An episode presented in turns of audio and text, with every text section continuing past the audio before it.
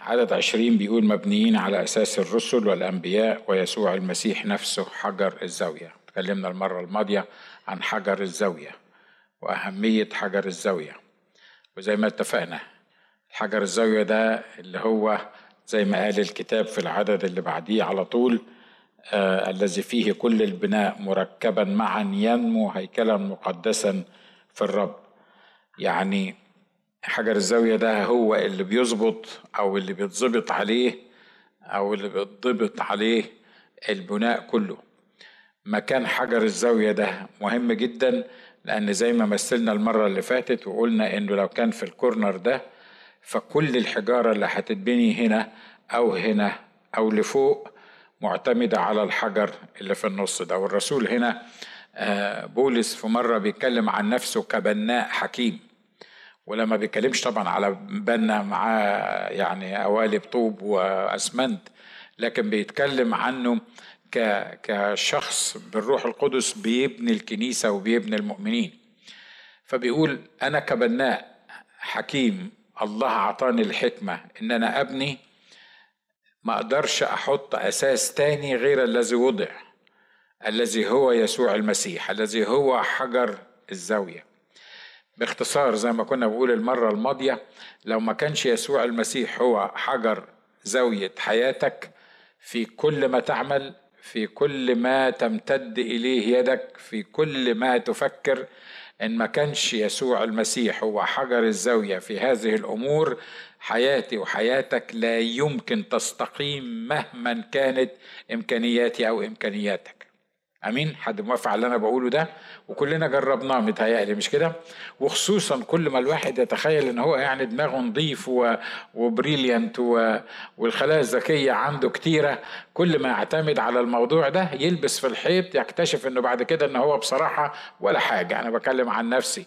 لكن آه لما أحط يسوع المسيح حجر الزاوية وأظبط عليه كل حاجة في حياتي علاقاتي آه كلامي تصرفاتي شغلي آه، خدمتي آه، كنيستي أي حاجة أعملها لما يتحط يسوع في مكانه تلاقي كل حاجة بعد كده اتحطت مظبوطة. لو يسوع مش في مكانه الصحيح يبقى لا يمكن حاجة في حياتي ابدا مهما كانت حتى لو كنت أنجح. واحد من وجهة النظر البشرية العالمية حتى لو كنت أغنى إنسان في العالم حتى لو كان عندي مواهب ملهاش أول من آخر إن ما كانش يسوع يبقى حجر الزاوية في حياتي قل على حياة السلام ليه؟ لأنه أصلا الأساس بتاع حياتي محطوط غلط أصلا التظبيطه بتاعت حياتي معمولة غلط. ليه؟ لأن أنا ظبطت على حاجة معينة وهيعوزني الوقت. لو أنا جبت الشواهد على الناس اللي بيظبطوا حياتهم على المال يقول لك أوصل أغنياء إن هم ما يحطوش رجائهم على غير يقينية الغنى. ليه؟ لأنه الغنى النهارده موجود بكرة أنتوا عارفين ممكن يحصل له إيه؟ مش بكرة بعد خمس دقايق. ممكن كله يضيع. ما تقدرش تبني حياتك على صحتك لأن أنت لسه شاب وتقدر وتعمل وتسوي قدامك العمر. لا لا سيبك من الكلام ده كلنا متفقين عليه. مش هناخد فيه وقت كبير. تقدرش تبني حياتك على عيلتك وما تقدرش تبني حياتك على بلدك وما تقدرش تبني حياتك باختصار على أي حاجة إلا على حجر الزاوية اللي هو يسوع المسيح. أمين؟ ولو بنيت حياتي على حجر الزاوية اللي هو يسوع المسيح كتاب بيقول الذي فيه كل البناء مركبا معا. ليه؟ لأن إحنا كأعضاء أو كل واحد فينا لوحده مع نفسه متركب كده وإحنا كأعضاء متركبين مع بعض وفيه كل البناء مركبا. يعني أي بناء هتبنيه زي ما قلنا إن ما كانتش حجر الزاوية أو كان حجر الزاوية بتاع البناء ده محطوط في مكانه السليم المظبوط بالملي زي ما بيقولوا هتكون النتيجة إن البناء كله مش هيبقى وحدة واحدة وهيتفلش زي ما بتقول الذي فيه كل البناء مركبا معا ينمو هيكلا مقدسا في الرب. يعني لو يسوع حجر الزاوية بتاعت حياتي وحجر الزاوية بتاعت حياة أخويا وحجر الزاوية بتاع حياة أختي نبقى إحنا كده بناء روحي متظبط عمالين نكبر مع بعض ننمو مع بعض الرأس بتاعنا هو المسيح اللي بيظبط علاقاتنا مع بعض هو المسيح. كل اللي بيحصل في حياتنا سواء كأفراد أو كجماعة هو المسؤول عنه. ينمو هيكلا مقدسا في الرب الذي فيه أنتم أيضا مبنيون معا مسكنا لله في الروح. وخلي بالكم هو مين أنتم أيضا دول؟ ده بيتكلم على الأمم مش كده؟ لأنه هو بيكلم الناس بتوع أفسس. فبيقول لهم أنتوا كمان يا بتوع أفسس دول ليه؟ لأن الحقائق اللي بيقولها دي حقائق كبيرة قوي يعني حقائق مهمة جدا وطبعا الشخص اليهودي آه، يحس إن هو يعني أيوه ده كلام حلو علشان إحنا لأنه الله اختارنا إحنا إن إحنا نكون هو شعبه. لكن الرسول هنا واحدة من الأهداف اللي موجودة في رسالة إفسس إن يقول بعد إن إن يقول ببساطة كده إن مفيش حاجة اسمها أمم ومفيش حاجة اسمها يهود مفيش حاجة اسمها عهد قديم ومفيش حاجة اسمها عهد جديد مفيش حاجة اسمها شعب الله ومفيش حاجة اسمها غرباء ونزلاء لأن أنتوا الغرباء والنزلاء صرتم إيه؟ صرنا رعية مع القديسين وأهل بيت الله. ده واحد من الأهداف المهمة آه، اللي موجودة في رسالة أفسس. فعايز الذي فيه أنتم أيضا مبنيون معا مسكنا لله في الروح. يعني إيه القصة دي؟ المسكن القديم معروف ودرسناه أكتر من مرة وبيتكون من ألواح وبيتكون مش عارف من جلود وبيتكون من فضة وذهب وحاجات كتيرة. و و وكل حاجة فيه بتشير لشخص الرب يسوع المسيح بطريقة أو بأخرى. بيقول لك إن أنت بتوع العهد الجديد أنتوا مش لا مؤاخذة في التعبير ألواح موجودين في مبنى يعني ملموس محسوس الناس بيجوا فيه. لا لا لا إحنا أصبحنا مسكن لله في الروح. يعني الله كان طالب مسكن. الله عايز يسكن مع الإنسان. الله هو اللي اشتاق إنه يسكن مع الإنسان. أنا عارف إن بصراحة حاجة غريبة جدا. يعني إزاي الله يشتاق إنه يسكن مع الإنسان؟ ده إحنا البشر مش قادرين نسكن مع بعض. يعني ما ده بلاش. ده الواحد فينا مش قادر يسكن مع نفسه. مش كده ولا إيه؟ زي ما كنا بنقول. لكن شوفوا في حاجات ما نقدرش نفتي فيها. الله عايز يسكن مع الإنسان. علشان كده أعلن لموسى على الجبل وقال له اعمل لي خيمة اجتماع اعمل لي مكان أنزل أسكن فيه مع الناس. أنزل اتراءى فيه للناس. أنزل أغفر في خطية الناس. مكان يبقى فيه ريليشن علاقة بيني وبين الناس. وأعطاله الرسم بتاع الهيكل وقال له أو أو خيمة الاجتماع. وبعدين لما عملوا الهيكل نفس القصة يعني كل حاجة كانت محطوطة في مكانها. لكن الموضوع ده انتهى. الموضوع بتاع العهد القديم ده انتهى الموضوع بتاع الهيكل انتهى الموضوع بتاع الذبائح انتهت. ومش عايزك يعني إيه ترجع وتقول يا اصل هو في يوم من الأيام هيرجع تاني وهيقدموا ذبيحة باختصار كده عشان ما تتعبش نفسك بس في الموضوع. لو انت قاعد ساعة ما هم هيقدموا ذبيحة في الهيكل الأرضي مش هتروح السماء هتروح جهنم. أمين؟ عشان كده أنا مش فارق معايا هيبنوه إمتى؟ هو أنا فارق معايا يبنوه إمتى؟ لسبب واحد لأنه قبل ما يبنوه قبل ما يبتدوا في بنائه قبل القصة دي هكون أنا مش موجود.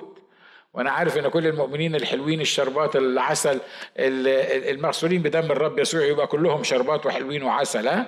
لحسن تفكر إن في مؤمنين عسل ومؤمنين بصل. لا الموضوع مش مش كده. المؤمنين كلهم مؤمنين. فالمؤمنين هيحصل إيه؟ لما تقرا سفر الرؤيا تلاقيه في اصح واحد واثنين وثلاثة بيتكلم عن ال ال ال كل ما هو ليه علاقة بالكنيسة. لغاية ما ذكر كنيسة لودوكية كل شوية يقول اكتب إلى ملاك الكنيسة الفلانية اكتب إلى ملاك الكنيسة الفلانية اكتب إلى ملاك الكنيسة الفلانية. أول ما جه عند كنيسة اللودوكيين ما قالش اكتب إلى ملاك الكنيسة قال اكتب إلى كنيسة اللودوكيين. يعني دي مش كنيسة أنا دي كنيسة اللودوكيين. لأن في فرق بين إن هو بيكتب للملاك بتاعه وفي فرق بين إن هو بيكتب لكنيسة اللودوكيين. واضح إن إحنا عايشين في في أيام كنيسة اللودوكيين مش كده؟ كل واحد بيتصرف بمزاجه وكل واحد. وده مش الموضوع بتاعنا anyway. لكن هو ب... ما... بعد ما عمل قصة الكنيسة دي كلها فأول أصحاح أربعة قال له اصعد إلى هنا علشان أريك ما لابد أن يكون. ولم تذكر الكنيسة بعد كده فيها في سفر الرؤيا إطلاقا إنها على الأرض. أمين؟ معناها إنه إيه؟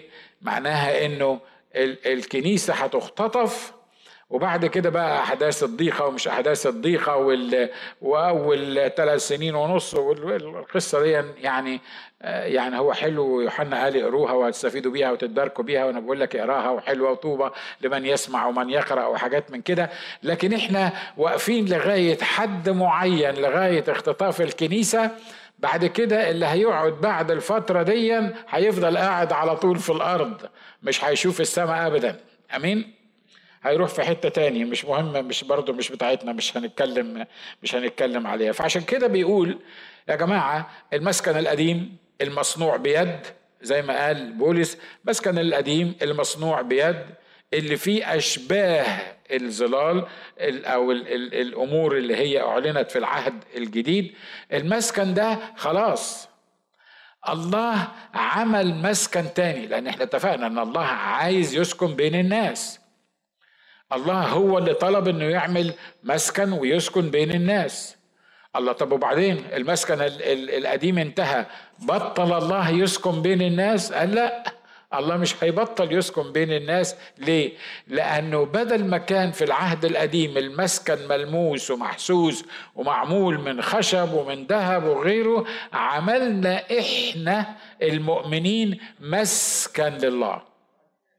وخلي بالك إنه ما عملش كل مؤمن مسكن لله. لكن الذي فيه الكتاب بيقول إيه؟ الذي فيه أنتم بيكلم بيكلم جماعة هنا مش كده؟ بيكلم بيكلم مؤمنين بيكلم عدد كبير. الذي فيه أنتم أيضا مبنيين مبنيون معا.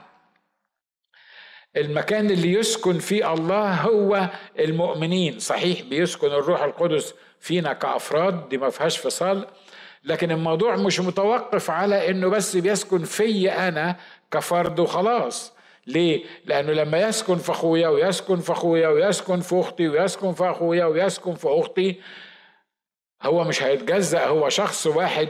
يبقى عملنا إحنا كلنا البيت الجديد اللي هو يسكن فيه. لو فهمت الحقيقة دي عمري ما أتخانق مع أخويا. ولو فهمت الحقيقة دي عمري ما أعمل division بيني وبين أخويا. ليه؟ لأن الله عملنا مسكن واحد. لو في division بيني وبين أخويا أنا مش عارف الله هيسكن فين. مش عارف الله هيستريح إزاي. مش عارف الله هيبص لنا إحنا كجسد المسيح وإزاي يحس إن ده المسكن الروحي بتاعه اللي عايز يسكن فيه. لما تقرأ يوحنا 17 والصلاة اللي الرب صلاها كان بيأكد على حقيقة واحدة بس. صحيح أكد على حاجات كتير لكن كانت الهدف بتاع يوحنا 17 كله حاجة واحدة بس. ليكونوا هم واحد. ليعرف العالم أنك إيه؟ أرسلتني. بعد شوية يقول له يكونوا واحد كما أني أنا وأنت واحد. إحنا أنا عايزهم يكونوا واحد. And on. في في في يوحنا 17 كذا مرة يتكلم عن الأمور دي ليه؟ لأن هدف الله مش يبني بيوت متفرقة من الإخوة يسكن في كل واحد لوحده واللي ساكن هنا مش عايز يكلم السكن اللي جنبه والأخ ده مش عايز يتقابل مع الأخ التاني.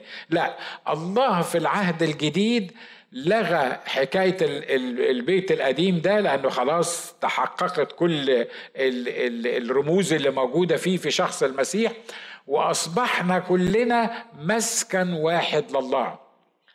إحنا ساكنين مع بعض المفروض في الأرض. ساكنين مع بعض إزاي؟ أنا ساكن في بولسون وأنت ساكن في رانشو سان دييجو يبقى إزاي يعني إحنا ساكنين مع بعض؟ واضح إن أنا بتكلم روحيا مش كده؟ ها؟ لحسن يكون حد صاحي من النوم وبعدين يسمع إحنا ساكنين مع بعض يقول لك هو القسيس جه عندنا؟ هيعزل عندنا ولا إيه؟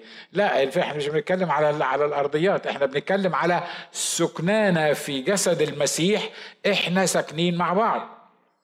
إحنا عايشين مع بعض. إحنا بيت واحد لله. مرة تاني بقول إحنا بيت واحد. عارف لما تيجي ترحب بضيف عندك حتى لو ما كنتش بتقبله وحتى لو ما كنتش عايزه يزورك ومتأسف إن هو جاي. بس إحنا اتعودنا نقول لك إيه يا راجل البيت بيتك. مش كده ولا إيه؟ ها؟ يعني آه طبعا إحنا إحنا العرب فنجرية كلام وترحيبات وحاجات من كده. يا راجل البيت بيتك. يمكن أنت مش عايز تشوفه بس البيت بيتك. ليه؟ لأنك أنت عايز تحسسه إن هو يعني إيه؟ يعني البيت بيته يعني. والأمريكان يقولوا فيلت هوم يعني أنت في بيتك. الحقيقة الموضوع مختلف هنا. إحنا شئنا أو لم نشأ أنا وأنت وأنتي إحنا بيت لله. مش بمزاجنا إن إحنا نقسم البيت ده لبيت آه، إنجيلي وبيت كاثوليكي وبيت أرثوذكسي وجوه الإنجيلي بيت معمداني وبيت رسولي وبيت خمسيني ومش بمزاجنا إحنا نعمل الحكاية دي. ليه؟ لأن هو عمل مننا بيت واحد علشان يستريح فيه وعشان يسكن فيه. الذي فيه أنتم أيضا مبنيون معا. قول كلمة معا معايا كده. ها؟ مبنيين إيه؟ مين معا دول؟ اللي جنب اللي جنبي واللي جنبك معا هو إحنا إحنا معا. إحنا موجودين معا. مش معا لأن إحنا في كنيسة الحصاد الأخير ومش معا لأن إحنا بنحب بعض ومش معا لأن إحنا متفاهمين الحقيقة بيننا وبين بعض. مفيش خلافات. لا ده أنا وأنتوا إحنا معا غصب عننا حتى لو إحنا مش عايزين نبقى معا. ساعة معرفة الرب يسوع مخلص شخص لحياتك دخلت جوه معا دي. سواء كنت في العهد القديم أو في العهد الجديد سواء كنت يهودي سواء كنت يوناني أو رجل أو ست أو ما تفرقش كلها. ليه؟ لأنه عمل الذي فيه أنتم أيضا مبنيون معا مسكنا لله في الروح. الأصحاح الثالث بيقول بسبب هذا أنا بولس أسير المسيح يسوع. لأجلكم أيها الأمم. بولس هنا بيقول للناس خلي بالكم إن بولس مش بس بيكتب كلام. نظريات بيحكي لنا عن الأمور اللي المفروض حاصلة. لا لا لا ده بولس هنا بيقول لهم إيه؟ بسبب هذا أنا بولس أسير المسيح يسوع لأجلكم أيها الأمم. خلي بالكم بولس كان كان كان أسير الرومان؟ طبعا. كانوا حاطينه في السجن؟ آه. بس خلي بالكم بولس هنا ما بيشوفش اللي هو فيه الأسر بتاعه السجن بتاعه كما لو كان الرومان دول ليهم أي تأثير على الموضوع. هنا بيقول أنا أسير إيه؟ بسبب هذا أنا بولس أسير المسيح يسوع. يعني لو كنت في سلاسل أنا مش موجود في سلاسل لأن الرومان قرروا يحطوني في سلاسل عشان يعاقبوني. لا لا أنا في سلاسل لأجل المسيح يسوع. وأنا في سلاسل لأجل المسيح يسوع لأجلكم.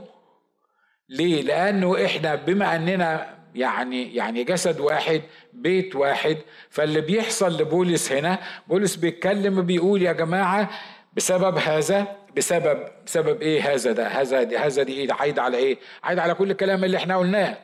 إن إحنا مسكن واحد وإن إحنا مسكن لله في الروح وإن إحنا مبنيين على أساس الرسل والأنبياء ويسوع المسيح نفسه حجر الزاوية. بيقول بسبب هذا بسبب هذه القصة أنا أسير يسوع المسيح. الله. والقصة دي تستاهل قوي يعني. إن واحد زيك يا بولس يبقى أسير يسوع المسيح. ما تشتري مخك وتنقذ نفسك. من القصة دي. وإيه يعني بسبب هذا؟ يعني هل الحقائق اللي أنت بتقولها دي تستاهل إن أنت تبقى أسير يسوع المسيح؟ الحقيقة مفيش حقائق أعظم من اللي إحنا بنتكلم فيها في العالم لا كانت ولا هتكون. ومفيش حاجة تستاهل إنك أنت تضحي بنفسك وبصحتك وبمجهودك وبقوتك وبخدمتك وكل اللي فيه إلا اللي إحنا بنتكلم فيه ده إنك أنت تبقى أسير يسوع المسيح لأجل الإخوة. ليه؟ لأن هذا الرجل موضوع لحماية الإيمان.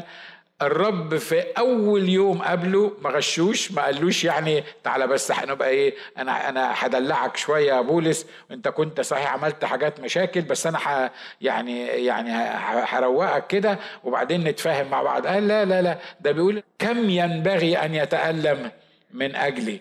وده كان إعلان الله إعلان الله لبولس في الأول خالص. فهنا بيقول بسبب هذا بسبب كل ما شاركتكم به أنا بولس أسير المسيح يسوع لأجلكم أيها الأمم.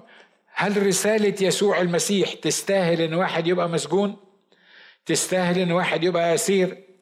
ده إحنا بنخاف ننطق مع جيراننا. لحسن يعرفوا إن إحنا مسيحيين ولا يعرفوا إن إحنا إنجيليين ولا بن مؤمنين بحاجات معينة خايفين وخايفين من الراجل وخايفين من الست وخايفين من ابن العم وبنت الخالة وما مرعوبين وحلنا على شوية لو قالوا لنا أنتوا إنجيليين نحلف زي ما بطرس حلف إن إحنا ما نعرفش الإنجيليين اللي موجودين دول خالص أو حتى ما نعرفش يسوع نفسه. صح؟ بيقول بسبب هذا أنا بولس أسير المسيح يسوع لأجلكم أيها الأمم. يا إخوة وأخوات الرسالة اللي محملنا بيها الرب تستاهل إنك تبقى أسير يسوع المسيح. تستاهل إنك تخش السجن. تستاهل إن حياتك زي ما قال الرسول بولس تفنى. تحسب كل اللي عندك نفاية علشان تربح وتعرف المسيح.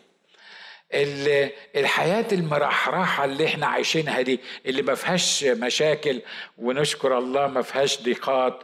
وطبعا أنا عارف إن الضيقات في في الفلوس وفي الأولاد بس يعني هم دول الضيقات اللي إحنا متخيلين إن دي الضيقات. لكن ما حدش ابدا مضطهد في البلاد اللي إحنا عايشين فيها دي أو بيعاني بسبب إن هو مسيحي. عارف ليه؟ لأنك ما بتنطقش. لأن الناس مش عارفة إنك مسيحي. لأنك لو ابتديت تتكلم عن المسيح جميع الذين يريدون أن يعيشوا بالتقوى في المسيح يسوع يحصل لهم إيه؟ يحصل لهم يضطهدون. إحنا مش بنروح ندور على الاضطهاد لكن بمجرد ما بتعلن إنك مسيحي الشيء الطبيعي زي ما درسنا قبل كده في إنجيل يوحنا إن لو كان العالم حبني أنا الرب يسوع كان هيحبكم لكن بما أنه بيبغضني فعشان كده بيبغضكم. لكن يسوع هنا بولس بولس لقى إنه يسوع يستاهل رسالة يسوع تستاهل. إنجيل يسوع علشان يوصل للناس تستاهل إن هو يخش السجن. وهو ما تفاجئش بالموضوع ده باي ذا حكاية السجن دي يعني كان ماشي كده وراحوا ماسكينه وحاطينه في السجن. يقول لك أنا اعمل إيه بس؟ ما هم خدوني وحطوني في السجن. آه هو بيقول لا لا لا لا. ده حتى لما النبي تنبأ وقال له الذي له هذه المنطقة سيربطونه في أورشليم. ما قالش خلاص بقى إيه اللي نزلني أورشليم أنا عشان يربطوني طب بلاش حكاية أورشليم. قال لهم لا لا لا لما الإخوة ابتدوا يبكوا ومش عايزينه يتحرك قال لهم أنتوا بتبكوا وتكسروا قلبي وده كل اللي بتعملوه. لأن أنا مستعد مش إني أربط فقط لكن أنا مستعد إن أنا إيه أموت لأجل المسيح. الرسالة اللي إحنا عندنا دي تستاهل إن حد يموت لأجل المسيح. لا وإحنا كمان في ال Middle East متخيلين إن إحنا مضطهدين مش كده؟ ها؟ متخيلين طب يعني بتوع ال Middle East ممكن شوية يكونوا ليهم حق يقولوا إن هم مضطهدين. ده إحنا متخيلين في أمريكا إن إحنا مضطهدين مش كده ولا إيه؟ ها؟ يعني لا بتتكلم عن المسيح ولا بتفتح بقك ولا حد عارف إنك أنت أصلا مسيحي ولا غير مسيحي ولو واحد كشر في وشك الصبح تحس إنك مضطهد لأجل المسيح. لا أنت مش مضطهد لأجل المسيح. وإحنا مش مضطهدين لأجل المسيح وأنا مش سوداوي يعني المزاج بدور على الاضطهاد لكن أنا عايز أقول لك إن رسالة المسيح تستحق إنك تخش السجن. آمين؟ لما رحت ليبيا زمان والجزائر وكفاية ليبيا يعني أنتوا عارفين ليبيا يعني وال آه، وال لما رحت العراق أول مرة واحد من الأسس الكبار الحبايبي المسؤولين عن الكنيسة الإنجيلية قال لي أنت هتفضل طول عمرك متهور؟ أنت هتفضل طول عمرك بالطريقة دي؟ في حد عاقل يروح العراق في الأيام دي؟ قلت له لا مفيش قال أنت بدك بتقول أهو يبقى أنت مجنون ولا إيه؟ قلت له لا أنا بصراحة مش مجنون. قال له أمال إزاي يعني تروح دلوقتي الأيام دي؟ قلت له بصراحة الرب قال لي روح. وبما أنه قال لي روح يبقى لازم أروح. دي ما فيهاش فصال وده اللي حصل في ليبيا وده اللي حصل في يمكن حكيت لكم القصة دي مرة آه، قسيس كان جاي معايا آه، آه، بلد عربي ما فيش داعي نقول فين البلد دي. وبعدين كنا أول ما كان هو أول مرة يروح وهو معمداني. آه نشكر الرب لأجل الاسس المعمدانيين ما تفهمونيش غلط. فهو من النوع اللي إيه يعني كل حاجة بالورقة والقلم و وبعدين قال لي آه، ناجي عايز أسألك سؤال. قلت له آه. قال لي تفتكر إنه من الحكمة إن إحنا ناخد الكتب المقدسة معانا في البلد دي؟ أنت عارف إن لو الكتب دي اتشافت إحنا الاتنين هنخش السجن. تفتكر من الحكمة إن إحنا ناخد الكتب دي؟ فقلت له بصراحة أنا شايف إن إحنا رايحين علشان نشجع الإخوة اللي موجودين هناك ومفيش تشجيع نقدر نسيبه معاهم غير كلمة الله. فاحنا يعني المفروض إن إحنا رايحين لازم ناخد الكتب دي قال لي بص باختصار كده. قال لي بص انت راجل بتقول إنك بتسمع صوت ربنا يبقى انت تخش تسأل الله وتقول له ناخد الشنط ولا ما ناخدهمش. قلت له طيب. أنا عندي شرط واحد قبل ما أسأل. فقال لي قلت له نملى الشنط الكتب نملاها يعني نملى نحط الكتب في الشنط وتبقى الشنط جاهزة وتبقى من جواك عندك استعداد تطوع الرب على اللي يقول لك عليه. مش لما يقول لنا آه نملى الشنط. لا إحنا هنملى الشنط ونروح نقول للشنط أهي جاهزة. ناخدها ولا ما ناخدهاش؟ فقال لي قال لي ماشي موافق. قال لي بس أنا ما بعرفش أسمع. أنت خش صلي واسمع واللي تسمعه أنا أنا قلت له طب ماشي.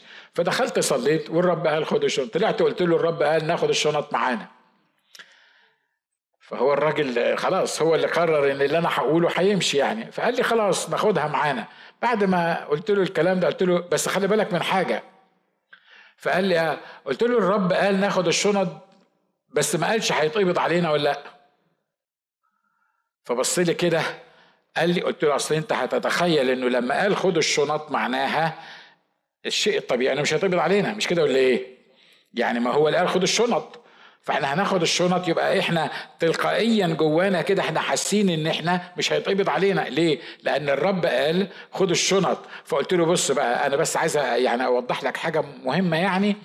هو قال لي خدوا الشنط لكن ما قاليش هتتحطوا في السجن ولا لأ. فاحنا هنطوعه زي ما اتفقنا وناخد الشنط. إنما هنتحط في السجن ولا لأ أنا مش هروح أسأله وأقول له نتحط في السجن ولا لأ. أنا أعرف إن هو قال خد الشنط. بقى الراجل كان يعني أنا اللي كنت الرئيس ساعتها فكان لازم يعمل اللي إيه فقال لي طيب ماشي. المهم دخلنا في المطار بتاع البلد إياها ديا. آه، أنا ماشي يمكن ثلاث خطوات قدامه بجر شنطة وبعدين هو ماشي يمكن ثلاث خطوات ورايا وبيجر الشنطة الثانية وبعدين سمعته بيقول ناجي. فأنا عملت كده. طبعا ما عملتش كده ها؟ لأن لو عملت كده اللي مسكوها يعرفوا إن أنا ناجي ها؟ ف... وأنا معايا شنطة تاني. فأنا بطرف عيني كده بصيت لورا لقيت اتنين من البوليس ماسكين الشنطة ورافعينها. الشنطة كلها ما كانش فيها غير كتب مقدسة. يعني عشان يفتح الشنطة وبعدين طبعا أنتوا عارفين شنطة فيها كتب غير الهدوم. يعني الشنطة اللي فيها كتب دي حاجة يعني آه يعني يعني يعني رايحين رايحين. فهو قال ناجي وأنا بصيت بطرف عيني لقيته لقيته ماسكين الشنطة فقلت أحسن حاجة تعملها. امشي على طول ادي الراجل القسيس اللي مستنينا مستنينا بره الشنطة وقول له اختفي. ليه؟ لأنه الراجل الأمريكاني اتقبض عليه وأنا طبعا مش ممكن هسيبه واخد بعضي وامشي فلازم أرجع له. بس لو رجعت بالشنطة اللي معايا أنا وهو هيتقبض علينا. فقلت أديله الشنطة وأنا أرجع له بعد كده نتفاهم مع جماعتنا اللي بيتكلموا عربي زينا يعني. Anyway فدخلت بعد ما عطيته الشنطة دخلت بسرعة جري عشان أشوفه فين لقيته جاي. فبقول له what happened قال لي هم سألوني عن حاجة ومسكوا الشنطة وهياخدوها سألوني إن أنا أديهم حاجة. هم غالبا سألوه على ال name tag بتاع الشنطة فهو تلقائيا الرب خلاها تطلع الباسبور الأمريكاني. لما طلع الباسبور الأمريكاني طبعا أنتوا عارفين إحنا جماعتنا دايما الباسبور الأمريكاني بيعمل شغل مع الأمريكان بس الشعر الأصفر والعينين الزرقاء. لحسن تفكر إنك هتروح بباسبورك الأمريكاني في أي بلد من بلادك ممكن ما ترجعش برضه بالباسبور الأمريكاني إن شاء الله. anyway فراح راح عاطين له الشنطة وعاطين له الباسبور الأمريكاني. بعد ما طلع قلت له أنا غشيتك؟ أنا ما غشيتكش. أنا قلت لك إن الرب قال خدوا الشنطة لكن ما قالش إن أنتوا مش هتطيب مش هيتقبض عليكم. ونشكر الله إنه ما تقبضش علينا. دي بونص من عنده إن إحنا خدنا الشنط. أنا عايز أقول إيه في الكلام ده؟ عايز أقول يا إخوة أخوات إن عمل الله وخدمة الله تستحق إنك تتبهدل عشانه. وتستحق إنك تخش السجن عشانه. وتستحق إنك أنت تهتم جدا ببيتك وترعى لك ان تسيب بيتك وتسمع كلام الله لما يقول لك روح الحتة الفلانية تروح وتبقى خاضع ليه لأن هو ده اللي الرب ده اللي بيتكلم عنه بولس إن هو كأسير أنا مش بتكلم على الناس اللي قاعدة بتسمعنا على الإنترنت دلوقتي لأنها مش عايزة تيجي الاجتماع لأن خطية أصلها كانت بتشرب شاي. فيعني خطية مش عايزين يسيبوا الشاي. وهسه هو القسيس هيوعظ وإحنا هنشوفه على البث المباشر. سو يعني يعني لازم نلبس وننزل بتاع وبعدين معانا أطفال وعملنا لهم المدارس الأحد للأطفال. بس برضه لسه عشان معانا أطفال إحنا مش قادرين نعمل القصة ديت. وصل جماعتنا جم يزورونا فإحنا ما قدرناش نقول لهم إن إحنا رايحين الكنيسة. وأصلي وأصلي وأصلي وأصلي وأصلي وأنا النهارده بكلم أي واحد عضو في الكنيسة دي قاعد على الإنترنت وبيشوفنا على الإنترنت أنت مش مكانك على الإنترنت والإنترنت مش معمول والبث المباشر مش معمول علشانك أنت تقعد تشرب شاي وتشوف الخدمة. لو كان بإيدي أقطعها عنك هقطعها عنك. الإنترنت معمولة للناس اللي في البلاد اللي ما يقدروش يجوا الكنيسة بتاعتنا.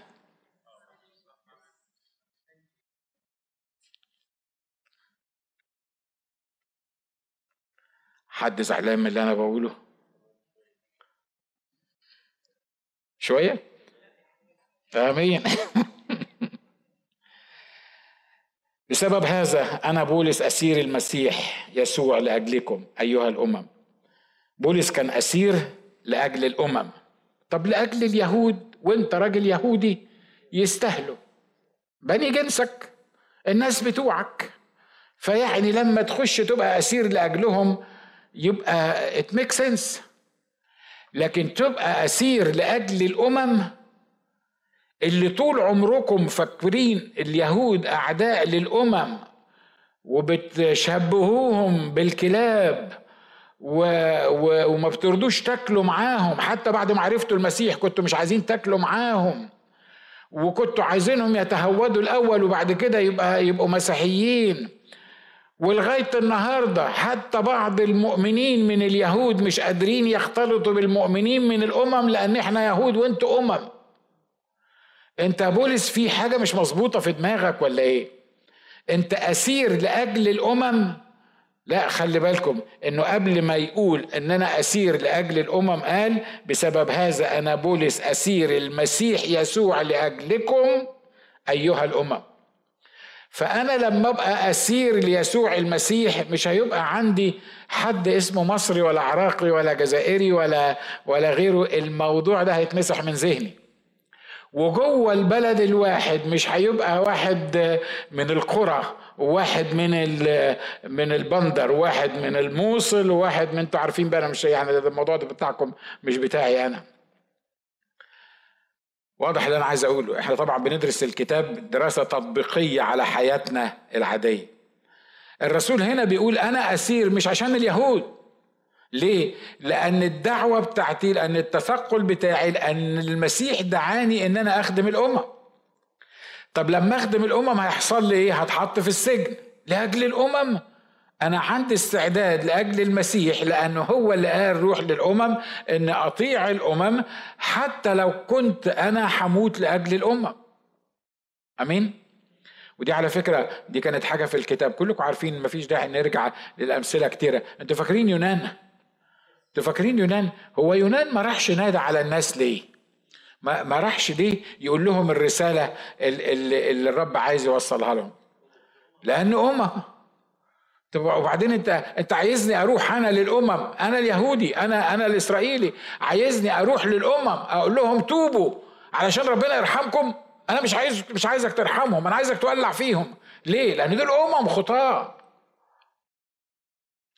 يا اخوه اخوات إحنا في بلاد بتكره ال discrimination مش كده؟ طب هي فيها discrimination للصبح يعني أنتوا عارفين يعني مفيش داعي لل... للكلام. لكن قال إيه إحنا ضد ال discrimination الحقيقة جوه كنيسة المسيح في discrimination جوه جسد المسيح في discrimination جوه هيكل المسيح اللي هو أنا وأنتوا في discrimination discrimination يعني تمييز تمييز عنصري عشان لو حد مش بيسمعنا مش عارف إنجليزي. الحقيقة إن إن الجنس البشري كله مبني على التمييز ده. والتمييز بالنسبة له والحاجة الخيبة الكبيرة الناس كلها أخطأوا. الجميع زاغوا وفسدوا واعوزوا مجد الله. بعدين الله اختار شعب عشان يبين فيه مراحمه الشعب صدق نفسه إن الله اختاره لأنه مميز عند الله غير الناس وابتدوا يحتقروا الآخرين اللي موجودين. ما تزعلش من شعب إسرائيل.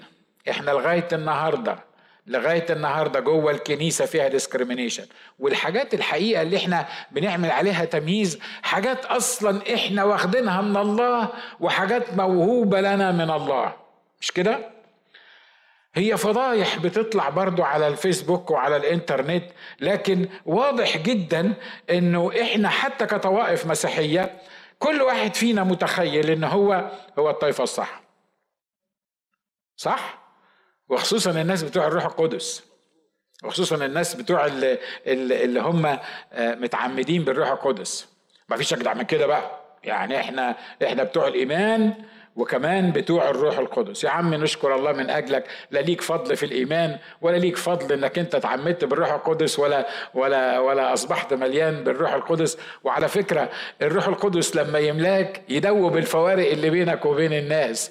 الروح القدس مش ممكن يكون مليك وعندك فوارق بينك وبين الناس ومتخيل إنك أحسن من الناس لأن إحنا بتوع الروح القدس اللي بنؤمن بالروح القدس وبنؤمن بمعمودية الروح القدس وبنؤمن بالملء بالروح القدس. القدس والناس التانيين ما بيؤمنوش ويا ويلك لو ما تعمدتش بالروح القدس وجيت كنيسة من بتاعة اللي بيؤمنوا بالروح القدس نشكر الله لأجل معمودية الروح القدس مهمة ومطلوبة أول سؤال يسأله لك وأنت داخل على الباب أنت متعمد يا أخونا؟ مش تسأله أنت متجدد الأول ولا مش متجدد؟ مش تسأله هو عايش إزاي؟ يا يا يا, يا إخوة أخوات أنا بتكلم عن إيه؟ أنا بتكلم عن الديسكريميشن بتكلم عن التمييز اللي موجود في وسطينا. حتى الملء بالروح القدس عاملين منه سبب أو أو بقي سبب للتمييز بين الإخوة والأخوات. حتى سماع صوت الله. أنت بتسمع صوت ربنا زي ما بيكلمني أنا؟ ده أنا ربنا كلمني وظهر لي وعمل لي مش عارف مين. أنت سمعته قبل كده؟ تبص تلاقي الأخ كش كده قال لك أنا ما أعرفش يعني أنا لسه بتعلم أنا لسه صغير بسمع البتاع ده. لا ده أنت عارف ده أنت أنا بسمعه كل يوم. وكاني مثلا إحنا دلوقتي يعني في ناس بتسمع وناس ما بتسمعش. ناس واضح اللي أنا عايز أقوله ها؟ طولت أنا في النقطة دي بس نقطة مهمة مش كده ولا إيه؟ ها؟ عايز أقول لك حاجة. لنا ولا انت وده مش كلام. لينا فضل في أي حاجة خدناها من الرب. آمين؟ الحاجة التانية كل ما تاخد من الرب كل ما تطالب بأكثر. صح؟ لما تتملي بالروح القدس أنت مطالب إنك تحتمل أضعاف اللي يمكن أنت مش متخيل إن هم مليانين بالروح القدس. بس لأنك بتقول إنك مليان بالروح القدس الله بيتوقع منك في تصرفاتك إنك تكون مختلف عن الناس اللي يمكن بيقولوا إحنا ما جربناش معمودية الروح القدس أو ما جربناش الملء بالروح القدس.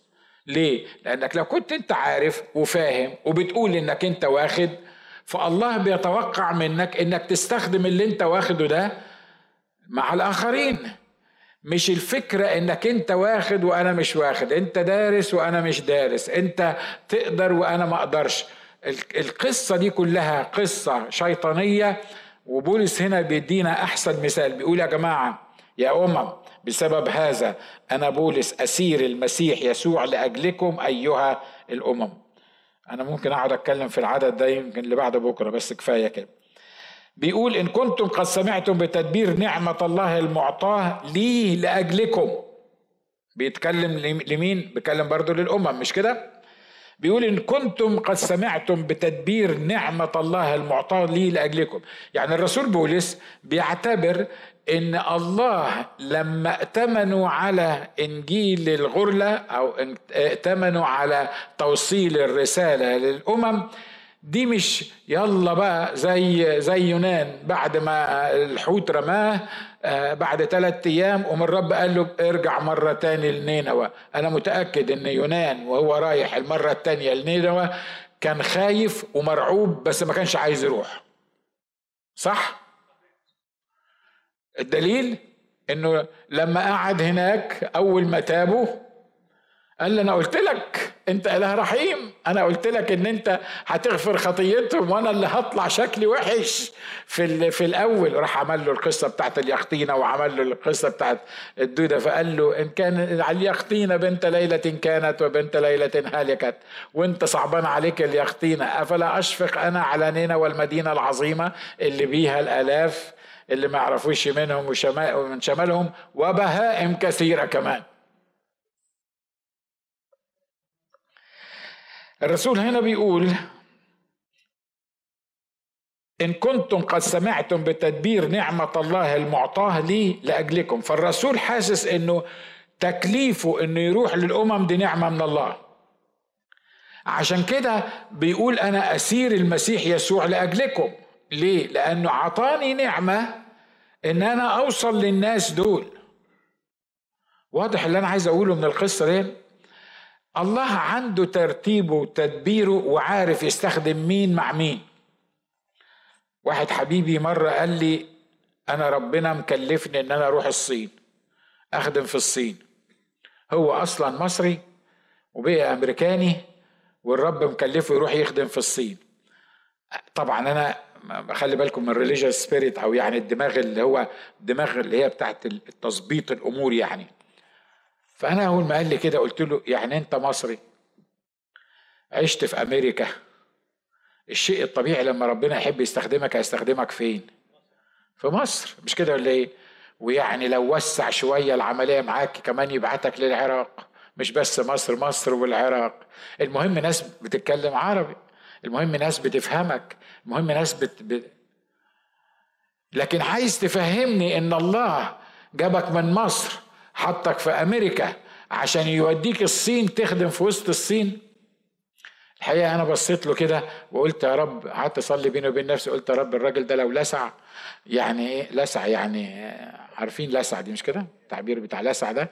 آه يعني لو الراجل ده لسع يعني فمن فضلك فوقه. يعني مش معقول الراجل ضيع حياته رايح بين أمريكا والصين وسايب مصر وسايب العراق وسايب تونس وسايب الجزائر. ويعني مش معقول يا رب يعني القصة اللي زي دي. لكن هذا الشخص اللي راح الصين في كل مرة راح فيها الصين الرب ابتدى يتعامل مع الناس هناك وباختبارات معينة. وهو حياته كانت بتتبني. وأصبح عنده بيس للخدمة في الصين والرب أثبت إن هو بعته للصين. قبل ما أجي هنا قبل ما أجي أمريكا سمعت صوت واضح جدا جدا من الرب. عايزك تروح أمريكا عشان عايز أستخدمك في وسط المسلمين. أنا في الوقت ده ما كنتش بحب المسلمين. اعترافات خطيرة على على الإنترنت. بس أنا بقول لكم الحقيقة أنتوا عارفين أنا ما بيهمنيش في أي حاجة. أنا ساعتها لو يعني يعني لو كانوا قالوا لي في واحد مسلم جاهز يقبل المسيح ويروح كلمه عن المسيح كنت أقول لهم مش عايز. زي يونان بالظبط بالظبط كده. ودايما كنت طبعا أنتوا عارفين إن أنا أنبه إخواتي فيعني إيه دايما كنت أنا حاسس كده أقول لك اسمع إحنا عندنا 10 مليون مسيحي في مصر إحنا خلصناهم. لما نخلصهم ندور على المسلمين. كلام منطقي مش كده ولا إيه؟ ها؟ وبعدين أقول للشباب اللي بيخدموا معايا يعني هنسيب خراف بيت إسرائيل. ما أنت لازم تلاقي لها آيات. لازم تلاقي لها آيات وتلاقي لها وتظبطها كده عشان تبقى وعلى فكرة كنت مخلص. أنا مش بقول إن أنا يعني كنت مخلص أنا ده اللي أنا كنت فاهمه. يعني نسيب خراف بيت إسرائيل الضالة ونروح عشان ندور على المسلمين. وبعدين مش كفاية اللي إحنا واخدينه من المسلمين عشان ندور عليهم. يعني كمان يعني مش لاقيين الا هم هنروح نخدمهم. لدرجة إن إحنا لما كنا بنعمل حفلة في اتحاد الشباب المسيحي وكان الرب يبعت لنا واحد مسلم ويملى استمارة يقول أنا قبلت المسيح مخلص شخص الحياة أنا بقول لكم على حاجات حصلت ليترالي فكنت أفتح أشوف الاستمارة كده أحمد السيد مش عارف مين أقول آه ده مباحث أمن الدولة. مباحث أمن الدولة هم اللي باعتين لنا ده عشان يملى الاستمارة عشان نكلمه عن المسيح عشان يحطونا في السجن. ما فيش بعد كده ذكاء. يعني يعني ما تحاولش تقنعني إنك أذكى مني. يعني وإلا هتبقى وعيتك مش فايته يعني. بس anyway ده ده الأتيتيود بتاع القصة دي. بعدين لما سمعت الكلام ده طبعا يعني نسيته. يعني حاولت إن أنا وبعدين قلت له يا رب أنت لو عايز تستخدمني في وسط المسلمين. ده أنا في مصر ما بتكلمش مع المسلمين وفي مصر ما بحبش المسلمين وفي مصر ما بستعمل يعني ما بعملش حاجة للمسلمين. هتوديني أمريكا عشان تستخدمني مع المسلمين؟ يعني يعني ما ما, ما anyway أنا هخلص عند الاختبار ده عشان بس الاختبار ده على فكرة ماشي مع مع الآية الأولانية المهمة دي وليا قصد من اللي أنا بقوله ده. بعدين بشكل أو بآخر كان في واحد مرسل بيجي لنا كل سنة يخدمنا في مصر. فأنا ماشي معاه وبعدين هو عمل سنانه في عيادتي. وطبعا أنا وفرت له مبالغ كبيرة جدا لأن الضرس كان بيتعمل في مصر ساعتها ب 3 دولار هنا بيتعمل مثلا ب 200 فطبعا هو ما أعطانيش حتى ال 3 دولار وأنا ما كنتش عايزه أنا كنت بعملهم له كخادم. فطبعا وفرت له كتير. يعني والراجل كان يحبني جدا وشايف المينستري بتاعتنا في اتحاد الشباب بيحضروها ليترالي على الأقل في الاجتماع مش أقل من ألف واحد يكونوا موجودين. والراجل كان نفسه يخدم في اجتماع من الاجتماعات دي. بعدين بقول له يا أسيس نشان أنا بيجيني صوت كده وعمال أشيله من دماغي عمال أشيله من دماغي ويعني بيلح عليا. فبقول له الصوت اللي بيجيني ده عمال يقول لي روح سافر أمريكا عشان تخدم في وسط المسلمين. أنا قلت للراجل الكلمتين دول وشه بقي زي أي حد لابس أحمر يعني أنتوا عارفين اللون الأحمر من غير ما حد يلبسه. واتنرفز واتشال واتهبد وقال لي في في أمريكا مسلمين. طبعا في الأيام دي من 30 سنة ولا يمكن حاجة و30 سنة يعني في في في مسلمين في أمريكا عشان تروح تسيب خدمتك وتسيب بيتك وتسيب عيادتينك اللي أنت فيهم وتسيب كل اللي أنت فيه ده وتروح تدور في أمريكا على المسلمين. الكلام ده مش مظبوط والكلام ده مش المفروض يحصل. والراجل got so upset قال لي بسمع اللي انت بتقوله ده من عشرة أنفار كل يوم في مصر من الشباب ومن الخدام وبيقولوا ان إحنا ساعدنا نروح لأمريكا. قال لي أنا آخر واحد كنت متوقع إن هو يقول لي كده أنت إنك تسيب خدمتك وبيتك وعياداتك والهنا اللي أنت عايش فيه ده وتسافر أمريكا هتبقى هوملس أنا بقول لكم نفس الألفاظ اللي قالها. في أمريكا هتبقى هوملس ومش هتبقى دكتور سنان ومش هتبقى مفيش مسلمين تخدمهم. ونزل فيا نزلة محترمة. أنا بصراحة ما كنتش عايز أجي أمريكا. عشان نبقى مخلصين يعني. أنا ما كنتش عايز أجي. فأنا صدقت ما الراجل ده قال لي الكلمتين دول وقلت له حلو أنا هاخد الكلام اللي أنت بتقوله ده من الرب. فراح هو بص لي كده قال لي لا هو أنا يعني هزيت لك دماغي وقلت لك هكذا قال الرب. أنا بقول لك قلت له أنت حيرتني يا أخي يعني هو الرب قال ولا ما قالش؟ يعني أعمل إيه بالظبط؟ قال لي طب بص اديني يومين أصلي وأصوم. قال لي أوعدك مش هاكل حاجة لمدة يومين ولا حتى يمكن أشرب لغاية ما ربنا يقول لي بالظبط اللي أنت بتقوله دون مظبوط ولا مش مظبوط. Anyway جاني بعد يومين بيقول لي أنا عايزك تسامحني. فقلت له ليه؟ قال لي عشان أنا انفعلت عليك. قال لي على فكرة من ساعة ما اتكلمنا من يومين أنا ما أكلتش أي حاجة لغاية دلوقتي. وكنت صايم وكانت صلاتي يا رب اعمل معروف ما تخليش ناجي يسيب الخدمة ويروح أمريكا خليه في مصر لأن مصر محتاجاه. قال لي وأنا بصلي بالمنظر ده الرب كلمني في منتهى الوضوح وقال لي اسمع ناجي لازم يسافر لأمريكا و you have to sponsor him إنك أنت اللي لازم تقف معاه في عملية السفرية دي. فقال لي عشان كده أنا جاي أعتذر لك وأيامها من 30 سنة كان بيمتلك بيته وبيته ساعتها كان أجدع بيت طبعا ب 80 ألف ولا حاجة. بيته في حتة نائية دلوقتي أجدع بيت فيها مش ب 300 ألف. بيته ساعتها لأن هو كان مقاول مباني قال لي بيتي متكلف 550 ألف دولار. قال لي أنا مستعد أحطهم في ال affidavit of support بتاعك. إن أنا أقول للسفارة أنا هضمنه لما يسافر هناك. نشكر الله مش هو ده اللي أنا جيت تبعه. Anyway لما جيت هنا دورت على المسلمين. طبعا ما كانش فيه مسلمين ساعتها دي حقيقة. يعني عدد المسلمين اللي كانوا موجودين بالنسبة لنا يتعدوا على الصوابع وخصوصا في لوس أنجلوس يعني. وبعدين الرب حطني ودي قصة طويلة تبقى نبقى وإحنا قاعدين مرة قاعدة كده مع بعض نحكي فيها. الرب حطني في الحتة دي بعدين قلت له يا رب هو فين المسلمين؟ ما أنا طوعتك وجيت وأنت أكدت لي عن طريق الراجل ده وفين المسلمين اللي أنا أخدمهم؟ الرب قال لي عندك استعداد تخدم المسلمين؟ قلت له آه. قلت له بس أنا ما أعرفش حاجة في الإسلام.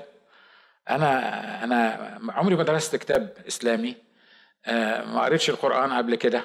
طبعا حافظ نصه وخصوصا اعدوا لهم ما استطعتم من قوة لأن دي اللي جاتني في سنة ستة في في الامتحان. فأنا حافظ نصه لكن أنا عمري ما ما, ما دورت على الحاجة رب قال لي باختصار كده قال لي عندك استعداد تكتب درس كتاب للمسلمين تشرح لهم فيها يعني إيه يسوع المسيح ابن الله والكلام ده؟ على فكرة كان قبل أي حد أنت بتشوفه أو بتسمعه على التلفزيون أو من المتنصرين بيتكلم في الموضوع ده. ودي حاجات دوكيومنتد وحاجات موجودة. فقلت له أنا عندي يا رب بس أنا أنا حتى أنا هم بالمناسبة يا رب عندهم فهرس للقرآن ولا ما عندهمش؟ طبعا ما كانش في إنترنت ها؟ فكان لازم يبقى في فهرس عارف فهرس الكتاب المقدس؟ زهقتوا؟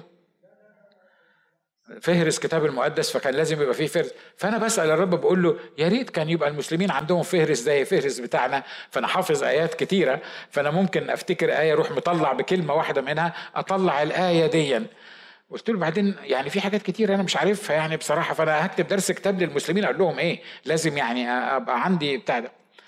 أمام الرب يشهد عليا في نفس اليوم جت واحدة من الأخوات. مش عارف أقول هي مين على الإنترنت ولا لأ بس اني anyway أنتوا ما تعرفوهاش بس تعرفوا أختها كويس. يعني هبقول لكم بيني وبينكم.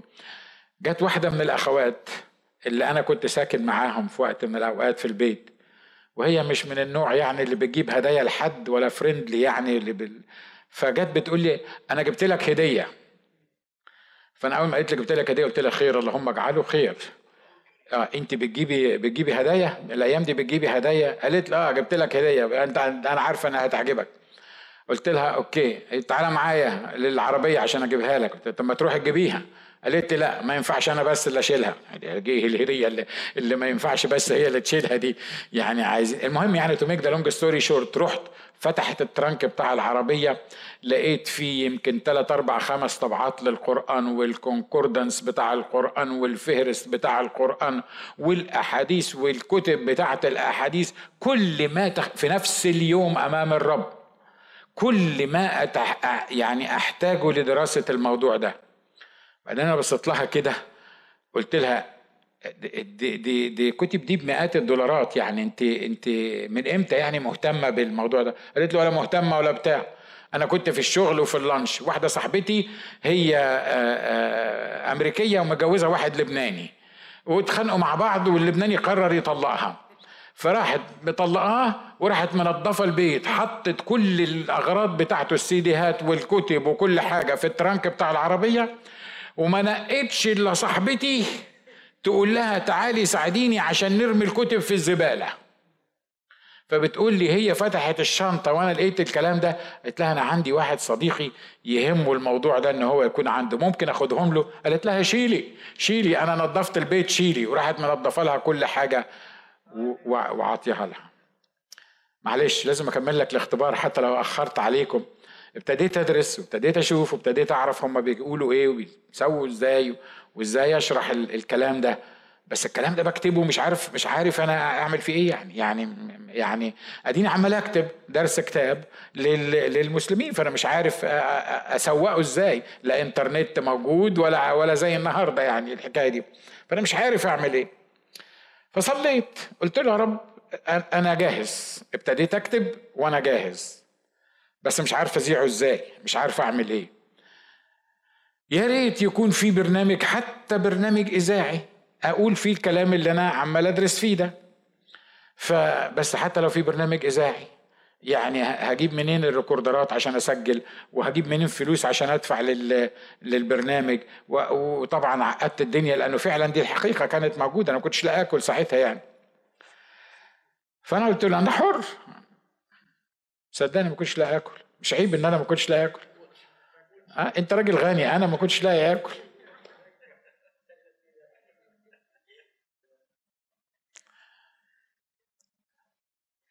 الساعة ستة الصبح لقيت واحد بيتصل بيا من ألمانيا.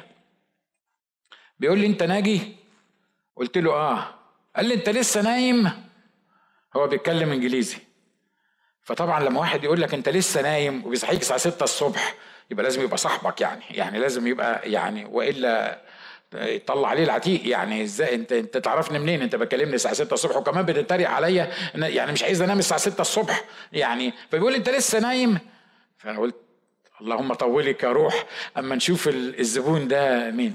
قال لي إحنا سمعنا عنك ان انت تقدر تعمل برامج إذاعية للمسلمين. عايز أقول لكم ولا واحد من اللي أنتوا بتسمعوهم دلوقتي كان شغال في الموضوع ده أو ابتدى يعمل القصة ديت. فقال لي فإحنا في ال organization بتاعتنا مش هقول لك اسمهم إيه في الاورجنايزيشن بتاعتنا اجتمعنا وقررنا إن إحنا نعمل برنامج في الشرق الأوسط للمسلمين. ففي واحد قال لنا محدش هيعرف يعمل لكم القصة دي غير واحد اسمه ناجي يوسف موجود في أمريكا. فقلت له أنا حكيت له القصة أنا بقالي أكتر من سنة بدرس في الموضوع وبكتب وعملت وعندي حاجات أسجلها بس مش عارف أزحها إزاي. قال لي إحنا نعمل لك البرنامج الإذاعي. أنت تسجل الشرايط وإحنا نزحها. قلت له بس عشان أسجل الشرايط لازم أسجلها. يعني هنا فلازم يكون معايا فلوس أروح أدفع الاستوديو علشان يسجلها أو آه، يكون عندي equipments أنا أسجلها. قال لي ال equipments تتكلف كام تقريبا؟ قلت له تقريبا 8000 دولار لأن هي فعلا كانت تقريبا 8000 دولار. قال لي خلاص اشتري كل ال equipments اللي انت عايزها وأنا هبعت لك 8000 دولار نشتريها وسجل لنا البرنامج. والبرنامج ده كان أول برنامج بيتكلم عن الأمور الإسلامية دي في العالم كله كان بيوصل بعد مونت كارلو عشان نبقى يعني دقيقين لأن مونت كارلو من زمان من زمان زمان أيام أنا كنت برضع في صباحي ف, ف من زمان يعني. ف, ف فكان أول برنامج يتذاع للشرق الأوسط كمية ال respond اللي جات لنا من البرنامج ده unbelievable واحدة بعتت لي تعالوا يا جماعة اللي بترنموا لغاية ما أقول الكلمتين دول. واحدة بعتت لي آه ورقة آه على العنوان اللي كنا بنحطه في البرنامج. by the way في نسخ من البرنامج لسه موجودة لغاية دلوقتي. البرنامج اللي أنا بتكلم عليه اسمه نور وحق وهتلاقوها على ال على ال القصة دي. ف آه، بعتت لي ورقة بتقول لي أنا في الأردن في حي معين في الأردن هي مصرية وعايشة في الأردن بتقول لي أنا الوحيدة المسيحية في المكان ده. بتقول لي كل ما أروح أشتري حاجة ولا أروح سوق ولا بيت ولا أي حتة يسألوني أنت مصدقة إن المسيح هو الله؟ أنت مصدقة إن اللي مش عارف مين؟ أنت اشرحي لنا الحاجة اللي قالت لي أنا ما بعرفش أرد عليهم. قالت لي عارفة أنا عاملة إيه؟ قالت لي أنا كاتبة ورق بالتردد بتاع البرنامج والميعاد بتاع البرنامج واسم البرنامج وشايلة شوية ورق معايا في جيبي. كل ما حد يسألني أو أنا أجي جنب حد أكلمه أروح مطلع له ورق أقول له البرنامج ده بيجاوب على كل أسئلتك. اسمع البرنامج ده وأنا بيجاوب على كل أسئلتك. ده البرنامج اللي أنا قلت لكم عليه ان رحت أدغال مصر في حتة اسمها الغنايم. دي أدغال الأدغال في مصر زي ما بيقولوا. كان ابن عمي هناك بيقول لي أنا سمعتك النهارده.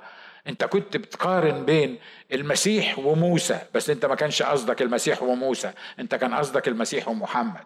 فبيقول لي أنا سمعت سمعتني فين أنت؟ ده أنت ساكن في حتة يعني غير صالحه للاستخدام الآدمي. يعني جات لكم إزاي البرامج اللي أنا ب ب بعملها دي؟ قال لي لا أنا اوريك الراديو. راح جايب لي الراديو. دي حقيقة. راح جايب لي الراديو راح مظبط قال لي مش هي دي ال channel اللي أنتوا بتذيعوا من عليها؟ اللي أنا عايز أقوله من القصة دي كلها إيه؟ إن الراجل ده كان أسير يسوع المسيح لأجل الأمم.